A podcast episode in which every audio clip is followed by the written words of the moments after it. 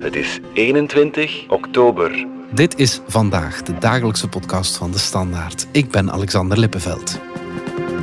45 dagen. Liz Truss trad op 5 september in woelig vaarwater aan. Ze raakte nooit uit dat woelige water, integendeel.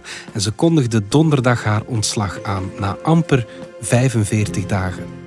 Nooit in de Britse geschiedenis zat een premier zo kort in het zadel. Waarom ging het mis voor Truss? Stond een snel ontslag niet in de sterren geschreven en wat staat de Britten nu te wachten?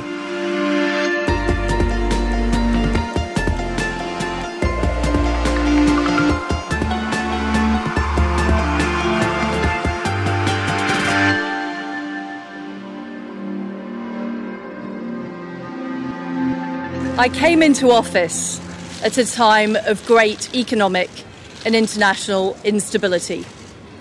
Families and businesses were worried about how to pay their bills. I was elected by the Conservative Party with a mandate to change this. I cannot deliver the mandate on which I was elected by the Conservative Party. I have therefore spoken to His Majesty the King to notify him that I am resigning as leader of the Conservative Party. Dat was Liz Truss die donderdagmiddag haar ontslag aankondigde in Downing Street 10. Dominique Minten van onze buitenlandredactie. Dat ging wel heel snel. Het ging snel, ja. Maar ja, echt verbaasd waren we niet meer. Nee. Zeker na wat er eh, woensdag was gebeurd. Een totale chaosdag was het. Eh, ervaren watchers van Westminster schreven zelfs van dat ze dit had nog nooit meegemaakt hadden. De chaos die er in, eh, in het lagerhuis plaatsvond. Er was het, plotseling ook het ontslag van Suella Braverman, dat was de minister van Binnenlandse Zaken. Een zwaargewicht. Ook altijd een echte medestander geweest van Liz Truss. Maar plotseling moest hij vertrekken. Ja. En iedereen vroeg zich af waarom eigenlijk. Het officiële verhaal was dat ze een, een vertrouwelijke nota had verstuurd via haar een verkeerde e-mail, via haar persoonlijk e-mailadres. En dat dat de reden was, maar donderdagochtend waren de meeste kranten er wel over eens dat er een grote ruzie was geweest tussen, Ja. tussen Braverman en Truss. Ja. Dat ze echt anderhalf uur naar elkaar hebben staan roepen en, en tieren. Ja. Bij haar afscheid eh, had dan Braverman ook al gezegd van ja, ik stop omdat ik het beleid dat ik eigenlijk wil voeren niet meer kan voeren of niet meer mag voeren. De, en ik neem tenminste mijn verantwoordelijkheid. Dat- zij gaf het toen ook al aan van ja, Ja, dat is een sneer, een sneer naar Truss, die ook eh, haar beleid eigenlijk niet meer kon uitvoeren. Ja. Maar die die gewoon wel op haar stoel bleef zitten en die dacht dat ze daarmee zou kunnen wegkomen. Ja, ja, ja. Maar ja, dus de druk werd dan vanochtend al maar groter. Ja. Rond de middag had ze dan een gesprek met Graham Brady. Mhm. Dat is de voorzitter van het ondertussen wel beroemde 1922 Committee. Ja. Dat, zijn zo'n, ja, dat is eigenlijk een beetje het partijbestuur van de Ja. conservatieve partij die beslissen over Een soort raad van bestuur eigenlijk. En, die zij is dan de CEO. Ja, en, zij, en zij, zij, zij heeft daar duidelijk de boodschap gekregen van als je niet zelf opstapt, dan gaan we toch de regels moeten aanpassen en gaan we je toch eh, tot ontslag moeten dwingen. Dat, Ja, eh, ja, ja. En heeft ze toch waarschijnlijk eh, ingezien dat ze, dat ze niet langer kon blijven zitten. Ja, oké. En het heeft dus ja, 45 dagen geduurd, dat premierschap. Laat ons even die korte rise en fall van Truss schetsen. Ze trad aan op 5 september als leider van de conservatieve partij. Hoe stonden de sterren toen? Wel, mij heeft het altijd verbaasd dat zij die eh, campagne heeft gewonnen. Ja. Dus na het ontslag van Boris waren er verschillende kandidaten om hem op te volgen. Zij heeft dan de strijd tegen Sunak. Rishi Sunak was de minister van Financiën onder Boris Johnson. De man ook die Boris Johnson heeft buitengewerkt een beetje. Ja. Onder de parlementsleden had hij de meeste stemmen gekregen. Ja, ja. Dus, hij, dus de parlementsleden vonden dat hij de beste man was om, om die partij te gaan leiden, om het land te gaan leiden. Hij had ook een goede track Hij record. had een goede eh, track record. er. Zeker als minister van Financiën heeft hij de Britten wel goed door die coronacrisis geleid. Met veel eh, steunmaatregelen en zo. Dus hij, hij, was, hij had dat niet slecht gedaan. Daar was iedereen het over eens. En Truss, ja, Truss... Van Truss heb ik eigenlijk nooit positieve dingen gelezen of gehoord. Zolang als zij in, in de politiek zit, in- dat is sinds 2012 is hij begonnen aan, aan die opgang, heeft, ja, we zijn altijd, eh, eh, altijd kritiek op haar geweest. Niemand nam haar eigenlijk echt au serieus. Ja.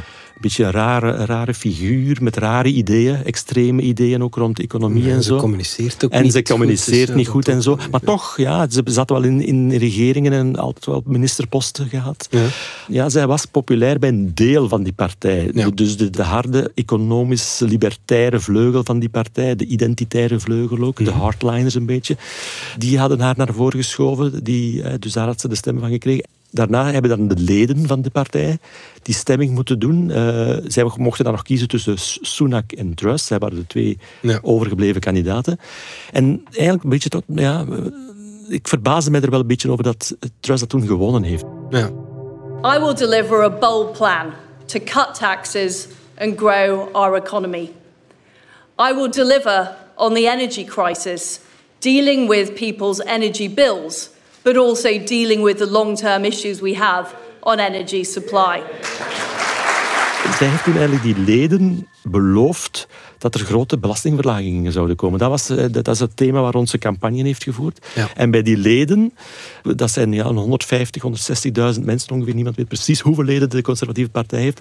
Dat zijn vaak rijke, oudere mannen uit Ja. het zuiden van Londen, betere posities, die vonden dat wel een goed idee van die, die belastingverlagingen. En die hebben haar gekozen. Ja, ja, ja. Maar ja, de parlementsleden die stonden daar niet achter. stonden daar eigenlijk niet echt achter. Ja, nee. ja, dus, en ja. die hielden ook wel wat een hart vast Mhm. van wat ze zou gaan doen, hoe dat ze dat zou gaan doen. Ja. En dan is er eigenlijk, ja, dus onmiddellijk nadat ze dus haar ambt had gekregen, is de koningin gestorven. ja, ja. ja. Dus dat was een beetje een vreemde periode. Toen is eigenlijk tien dagen was het land in rouw, stond alles stil, politiek stil. Heeft ze eigenlijk tien dagen respijt gekregen. Dus ja. Maar dan heeft al snel daarna, dat was eigenlijk haar minister van Financiën, die dat de nieuwe begrotingsplannen bekend maakte. Ja. Haar economisch beleid eigenlijk in plannen goot, Mhm. dat bekend maakte. En toen viel iedereen wel van zijn stoel. Ja, ja. Omdat ze ging dus de belasting verlagen, drastisch verlagen. Al, al bij al, alles samen een ruim 50 miljard pond aan belastingverlagingen. ja, ja. Dat Maar- was het meeste in 50 jaar of zo. Ja, ja, inderdaad. Ja, Ja. En tegelijkertijd ging ze heel veel geld uittrekken om de burgers en ook de bedrijven energiesteun te geven, Mhm. hè, de- om, om hun eh, energiefacturen te betalen. Die plannen die liepen op tot meer dan 100 miljard pond. Ja. Maar dat, dat geld ging ze lenen dan. de- en, en dus de markten werden steeds zenuwachtiger. Dus dat, dat, dat, dat was duidelijk. En het kreeg een naam, de Trussonomics. De Trustonomics. Het was geen positieve Nee, en dat had al snel een, een heel negatieve bijklank. Heel opvallend was ook dat de, ja, toch de, dus de ernstige kranten eh, en de- ook eh, dus de Financial Times, de Times, die eigenlijk toch altijd wel voor een liberaal beleid staan, eh, die de conservatieve partij niet slecht gezind zijn. Ja. Ook The Economist bijvoorbeeld, die waren vernietigend voor, in hun commentaren over die plannen. Ja. En dan zijn ook de markten beginnen een, een rol gaan spelen. Hè. En, en dus het pond daalde fors in waarde. De markten waren heel onrustig. En wat heel opvallend was, is dat voelden de, de Britten meteen in, in hun portemonnee hun hypotheekleningen gingen stijgen. Ah ja, oké. ja. Dus de, de interest die ze moesten betalen op hun hypotheekleningen, die schoten plotseling omhoog. Ja. En omdat veel van die Britten ook eh, maandelijks eh, een variabel tarief hebben, bij wijze van spreken, zagen ze onmiddellijk Ah, dat ja, ze de, vanaf oktober een paar honderd pond meer zouden moeten betalen voor een, voor een hypotheeklening. dat komt er dan nog bovenop. Ja, boven dus, alles ja, van, ja, eh, boven, bovenop de energiecrisis. En de inflatie. En de inflatie, ja, ja, dus, dus ja, dus ook dat land, eh, heel die, eh, dat, eigenlijk was er in, in heel Engeland niemand nog te vinden die een goed woord kon zeggen over, over Liz Truss. Ja, ja, ja. Ehm, haar minister eh, van Financiën, Kwarteng, moest het dan ook eh, bekopen. eh, die kreeg ook zijn ontslag. En Jeremy Hunt volgde hem op. En die, ja, die was toch duidelijk toen hij aangesteld werd. It was a mistake to cut the top rate of tax at a period when we were asking everyone to make sacrifices. And it was a mistake to fly blind uh, and not to back up the economic plans that were announced with an independent forecast from the Office for Budget Responsibility. Both those things have been addressed. Ja, Dominique, dat was een belangrijke, ja, ergens al doodsteek, denk ik. Maar ze bleef wel zitten, hè? Inderdaad, ja, eigenlijk zei Hunt van wat, alles wat Liz Truss heeft voorgesteld, Ja, gooi ik in de prullenmand. ja. Bijna met die woorden. Met die woorden, bijna letterlijk met die woorden, inderdaad. En dus eigenlijk al het beleid waar- waarop ze verkozen was, de beloftes die ze gemaakt had, waarvoor ze gekozen was door die leden, die kon ze niet meer uitvoeren. Dat ging ze niet meer doen, dat kon ze niet meer doen, want Hunt had het commando overgenomen van die regering. Maar toch, ja, op een of andere vreemde manier drong het niet tot haar door dat ze dan misschien beter zelf ook ontslag zou nemen. Dus ze had inderdaad Kwarteng eh, de laan uitgestuurd. Maar eigenlijk had Kwarteng ook maar gedaan wat... Zij hadden dat samen afgesproken. Dat was, eh, Kwarteng en Truss was een soort van Siamese tweeling. Die denken heel hetzelfde. En dat was echt ook haar, haar plan natuurlijk. Ja. En, ja, en toch bleef ze zitten. Dat heeft ze dan inderdaad bijna nog een week volgehouden. Maar toen al werd er gezegd van dit, kan, dit is, wordt onhoudbaar. Dit kan niet. Mm. En als ze blijft zitten... Ja, dan heeft ze eigenlijk niks meer te zeggen. Ja, lame duck. Lame ja. dus eh, ze ze is nog wel in office, maar niet meer in power. Dat Ja. was zo de slogan van de voorbije dagen. Ja, ja. Steeds meer, eh, ook oud-ministers en leden van de partij, parlementsleden zeiden dat. Hè. Dus de kritiek kwam keihard van Labour en van de Schotse nationalisten, maar net zo hard van binnen de eigen partij, van de eigen parlementsleden. Ja, natuurlijk, ja. We luisteren even naar Charles Walker, dat is een eh, ja, conservatieve backbencher. En die was wel heel scherp bij de BBC donderdagochtend. This is an absolute disgrace. As a Tory MP of 17 years who's never been a minister, who's got on with it loyally most of the time, I think it's a shambles and a disgrace. I think it is utterly appalling. You look just furious about this. I am, I am, I've had enough. I've had enough of talentless people um, putting their tick in the right box, not because it's in the national interest, but because it's in their own personal interest. Dat is wel vlijmscherp, hè? Ja, en dat vatte eigenlijk echt de sfeer van het land samen. Hoe heel het land daar eigenlijk over, over denkt op dit moment, over, over wat ze gedaan heeft. Dus de schade is, is gigantisch. eh. En ja, dus die man vatte eigenlijk heel goed de moed van Engeland op dit moment samen. Ja, ja, ja. Waarom was dit nu zo'n grote miscast, Dominique? Had toch wel al wat bestuurservaring. Oké, had niet de allerbeste kritieken, maar waarom liep het zo Ja, hard en ik- zo snel fout? Ik begrijp het ook nog altijd niet. Dus ja, zoals ik net al gezegd heb, ik, eh, ik dacht van bij het begin van eh, dit gaat niet goed aflopen met haar. Maar ja, het is, eh, dan kom je weer terug bij die, die conservatieve partij. Die is echt wel op de dool op dit moment. Eigenlijk is het begonnen met de brexit. Met heel het referendum is die partij zo verdeeld geraakt. Ja. En dat is nooit goed gekomen. En ja, er zijn altijd stammentwisten geweest binnen de conservatieve partij. Maar eigenlijk, David Cameron, toen hij in 2010 de verkiezingen won, was hij erin geslaagd om eigenlijk een soort van, ja, die, alles laten we kalmeren. Die partij, een beetje centrumpartij geworden. En die stuurde toen ook eh, samen met de Lib Dems zelfs. Ja. Maar ja, dan... Er is altijd druk geweest op dat moment vanuit die bepaalde vleugel, binnen die- die conservatieve, harde vleugel. Heeft altijd gepleit voor, ja, we moeten uit de Europese Unie stappen. Dat hing daar nog altijd boven, als een zwaard van Damocles boven die partij. En Cameron dacht van, ja, ik, ik moet dat oplossen. En de enige manier En hij dacht vooral, dan zijn we er dus vanaf. dan zijn we er vanaf. Ja, dus hij, hij was er echt van overtuigd dat hij dat referendum zou kunnen winnen. Ja. Dat heeft hij echt helemaal verkeerd ingeschat ook. Ja, ja. Ook omdat hij zelf, terwijl als hij premier was, ook bleef kappen op, op de Europese Unie. Ja. Dus ja, en dan plotseling, toen hij het referendum dan aankondigde, ging campagne voeren voor de, om erin te blijven in de Europese Unie. En dat was heel ongeloofwaardig. Ja, ja, ja. En dan zijn er een aantal sterke figuren binnen die partij geweest. eh, Michael Gove en Boris Johnson. Ja, die aan de andere kant, eh, die de kant hebben gekozen van de Brexiteers. Die Mm. daarvoor campagne zijn, die hebben het gehaald. Cameron stapt dan op, logisch. Hij nam zijn verantwoordelijkheid. Ik heb verloren. Theresa May kwam dan. Want Theresa May was eigenlijk wel een goede bestuurster. Dat was, dat is een, een, correcte politica, een, met gevoel voor ethiek en zo. Maar die heeft zich dan ook volledig vastgereden. Die was eigenlijk ook tegen die brexit. Maar ja, die moest dan die brexit toch gaan uitvoeren. En die, en die werd, is eigenlijk gegijzeld genomen door de partij, door die vleugels in de partij. En die heeft zich ook helemaal vastgereden daarin. En dan, ja, uiteindelijk is hij, is hij verkiezingen verloren, verkeerde inschattingen gemaakt. En dan is hij toch moeten aftreden. Boris is dan gekomen. Ja. En dan, ja, Boris heeft dan ook weer zich... Die is die was wel zichzelf, eh, populair, verloren, maar die is dan uit, ja, in zijn eigen chaos en in zijn eigen leugens en in zijn eigen ja, coronafantasieën eh, Ja. eh, heeft hij zich ook vastgereden. Ja. Ik vind het wel opvallend dat je zegt, het is al sinds de brexit, die beslissing is al goed zes jaar geleden genomen, Ja. dat die conservatieve partij nog steeds aan de macht is in een twee-partijen-systeem. Ja, Dat is toch opvallend? ja. Want dat is, twee dingen speelden daar een rol, denk ik. Dat was inderdaad de figuur van Boris Johnson, die populair was. Ja, ja. En Labour, dus de grote oppositiepartij, die eigenlijk geen goede figuur had om tegengewicht te geven. Ja. Dus ze hebben lang met, met Jeremy Corbyn gezeten, extreem links eigenlijk. Eh, Sommigen zullen het niet mee eens zijn dat ik extreem links zeg, maar enfin, toch In de ogen van, veel Britten mensen was veel te links, veel te links. Ja. En dus ja, dat was onverkiesbaar. Dan is Keir Starmer gekomen. Ja. Meer een centrumfiguur. Heeft die partij ook wat meer naar het centrum. Maar het is ook een beetje een grijze muis. Misschien te braaf. Te zo. braaf en ja, ja. niet, niet spits genoeg. Dat Britten, ja. Dus dat is ook, ja, is, hij is, niet, hij is niet sexy genoeg. Hij is, hij is te weinig charisma, iets te weinig charisma. Terwijl ik denk wel dat hij een goed bestuurder zou kunnen zijn. Dus dat heeft ook meegespeeld. En daardoor is die, ja, die conservatieve partij nu al twaalf jaar aan de macht, hè, van 2010.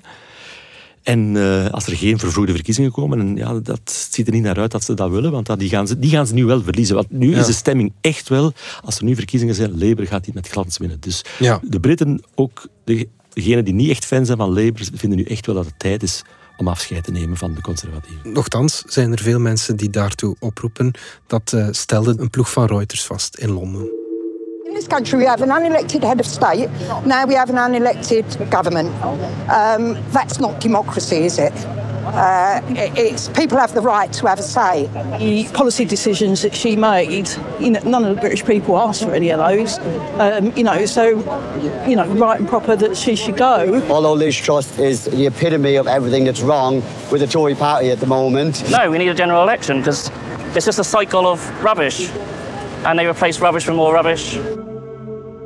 En kan dat nu, Dominique, dat er vervroegde verkiezingen komen of helemaal niet? In principe kan het wel, hè, maar het, het- hangt helemaal af van de conservatieve partij. Dus Ja. zij kunnen zeggen van oké, we moeten naar de verkiezingen gaan. Dit kan niet meer verder zo. Maar dat gaan ze niet doen. Eh, dus ze hebben nu beslist dat er eh, opnieuw leiderschapsverkiezingen komen. Die gaan heel kort zijn. Vol- eh, tegen volgende week vrijdag moet er een nieuwe premier, een nieuwe partijleider, een nieuwe premier worden gekozen. Dus ja, we gaan zien. En hoe, dat, dat, hoe dat ze dat op een week tijd gaan doen, weten ze ook nog niet heel goed hoe dat, dat precies gaat. Ze willen de leden toch ook weer inspraak geven. Dus nee, dus, eh, ze gaan geen vervroegde verkiezingen uitroepen. Dat gaat voorlopig niet gebeuren. Ja, Dus ze willen ja, toch een soort van nieuwe kandidaat naar voren schuiven in wie ze hopen dat hij toch weer die partij een beetje bij elkaar kan krijgen en, en toch beleid gaan voeren. Ja, oké, goed. We gaan er even uit voor reclame. Ik zou zeggen, pak je agenda erbij. Zet die open op zaterdag. En schrijf dan op nieuwe aflevering van onze cultuurpodcast Radar. En je denkt nu, ah, waarom zou ik dan wel moeten luisteren? Wel, het zal gaan over de nieuwe briljante reeks op VRT Max en op 1 Roomies. Valerie Droeven, onze mediaredactrice, heeft die serie vijf sterren gegeven. Nu, onder ons gezegd en gezwegen, dat doet ze echt wel niet vaak. En ik snap ook waarom, want ik heb net alle afleveringen zelf ook gebinged. En ik zou willen dat er nu al een vervolg van bestaat. Zo goed is het.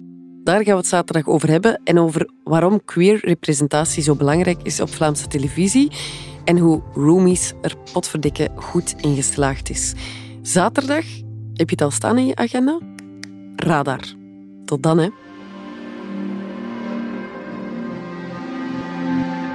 Dominique, terug naar eh, de UK dan. Het lijkt me voor de conservatieve partij het beste om nu als verenigd één kandidaat naar voren te schuiven. Dat lijkt mij Ja. inderdaad ook de beste oplossing. Eh, Kan dat?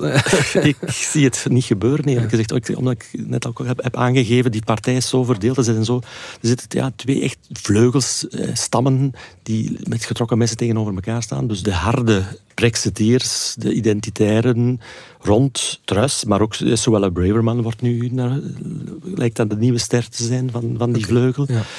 Die willen nog altijd wel, ja, die willen hun, hun premier. Ja. En dan heb je meer de, de centrumkant, die ja, waarschijnlijk Sunak naar voren schuiven, Rishi Sunak. Penny Mordaunt wordt ook genoemd. Dat zijn, de, zij was de derde in, bij de verkiezingen Afgelopen zomer. afgelopen zomer. Ja. Ook een meer een centrumfiguur. En dan is er nog één olifant in de kamer. denk Juist, de grootste olifant in die kamer, Boris Johnson. Hij zit op dit moment in de Caraïben. Ja. Maar hij zou aan het terugkomen zijn. Ja. Hasta la vista, baby. Thank you. Ik weet nog toen we het podcast hebben gemaakt over zijn aftreden, dat je zei. Een, een comeback zou nog sneller kunnen gebeuren dan we verwachten. In- inderdaad. En ik sluit absoluut niet uit. En ook de Britse kranten nu al. eh, De Times was nu al redelijk formeel zelfs. Schrijft dat hij zich kandidaat gaat stellen. Dat zou toch waanzinnig zijn? Ja, hij, hij zelf, zelf zou zeggen van in het belang van het land moet ik terugkomen. Ja, ja. En opvallend, YouGov, dat is bekende peilbureau, peilingsbureau, heeft nu al, heeft al een peiling gedaan bij de leden, Mhm. die dus waarschijnlijk ook weer de eindverantwoordelijkheid krijgen. Ja. Staat hij op één, met stip op één. Dus 32% van, van de leden zegt we moeten Boris terugnemen. En op twee, met 23%, dus al fors achter, Rishi Sunak. Dus ja, ik, ik wil het zien gebeuren. Hè, maar, Want ja, je mag ook niet vergeten, Boris had echt zijn hand overspeeld met wat hij gedaan heeft rond de coronacrisis en het niet naleven van de regels. Toen hij eh, dus eind uh, juni was het, uh, ontslag heeft moeten nemen, was ik ook nog in Engeland en met wie je ook sprak, gewone mensen, ze waren allemaal bijzonder negatief over, over Boris Johnson. Hij moest in de hoek. Hij moest in de hoek. Hij had, ze hebben heel zwaar geleden onder die coronacrisis. Strenge regels, strenge lockdowns. Waar ze zich aan gehouden hebben, ook de meeste van die Britten, want dat doen ze dan ook weer wel. Ja. Maar en, ja, en dus dat hij dat niet gedaan heeft, ja, dat zat, zat heel diep. Ja. Nu, ondertussen, ja, we zijn ondertussen weer al vier maanden verder of drie maanden verder. Uh, het is niet lang in de hoek. Nee, maar, ja, dus, en, en misschien is dat toch weer wat vergeten. Dus ik weet het niet. Ik... Maar is hij misschien de beste man om zijn land en zijn partij terug te herenigen, denk je? Ik, ik, weet het niet. Ik durf het... Zijn part... Ja, in zijn partij, maar er zitten ook zoveel tegenstanders van Boris Johnson in die partij. Ja. Ik weet het echt niet. Ik denk dat dan Rishi Sunak toch meer een verenigende figuur kan zijn. Alhoewel dat hij dan ja, ook iets minder populair is bij, bij het breder publiek en met die leden. Alhoewel de leden hebben ook wel ingezien dat zij een fout hebben gemaakt, gedaan door Trust te kiezen. Dat, dat was ondertussen wel. Dus daarom denk ik ook dat, dat die kandidaat, als de kandidaat van de rechtervleugel, die Suella Braverman bijvoorbeeld, dat die weinig kans maakt om op verkozen te worden. Want dan zitten ze opnieuw in hetzelfde straatje. Die gaat opnieuw dan weer de belastingen willen verlagen. Ja, want, die zegt, die heeft al, want die heeft altijd gezegd van het is geen goed idee van, van Truss om, om, om zo snel eh, in te binden, om zo snel die de bocht te maken. Zij zegt, nee, dat mocht, dat mocht je niet doen. Mm, dus ja, dus denk niet dat zij... Want dan, ja, dan gaan de markten zich weer, weer, weer gaan roeren, denk ik, de kortste keren. Dus ze moeten dus meer een, ja, een, meer een man van het centrum, vrouw van het centrum, gemakkelijk die figuur kiezen. Of Boris Johnson, de, de, de iconische Boris Johnson. Ja, maar misschien zijn ze binnen ja, de partij iets te veel met zichzelf bezig. Misschien moeten ze wel wat meer over het land nadenken. Hè? Ja. Het is een land in totale chaos. Het is een land in totale chaos. Economisch gaat heel slecht. Heel ja. slecht. Dus we hebben de laatste dagen weer rapporten over nog altijd die impact van die brexit uh, op, op een economie, de uitvoer. Dus een, een, uitvoer naar Europa is weer gedaald met meer dan 15 procent. En dat, ja, dat is echt te wijten aan die, aan die brexit, die harde mm. brexit die, er eigenlijk, die ze hebben doorgevoerd. Je hebt uh, enorme problemen in de gezondheidszorg. Heel veel armoede. De kloof rijk-arm is er altijd groot geweest. Is opnieuw aan het groeien. Mm -hmm. ja, er moeten ziekenhuizen gebouwd worden er wordt gestaakt, het openbaar vervoer zit in de problemen.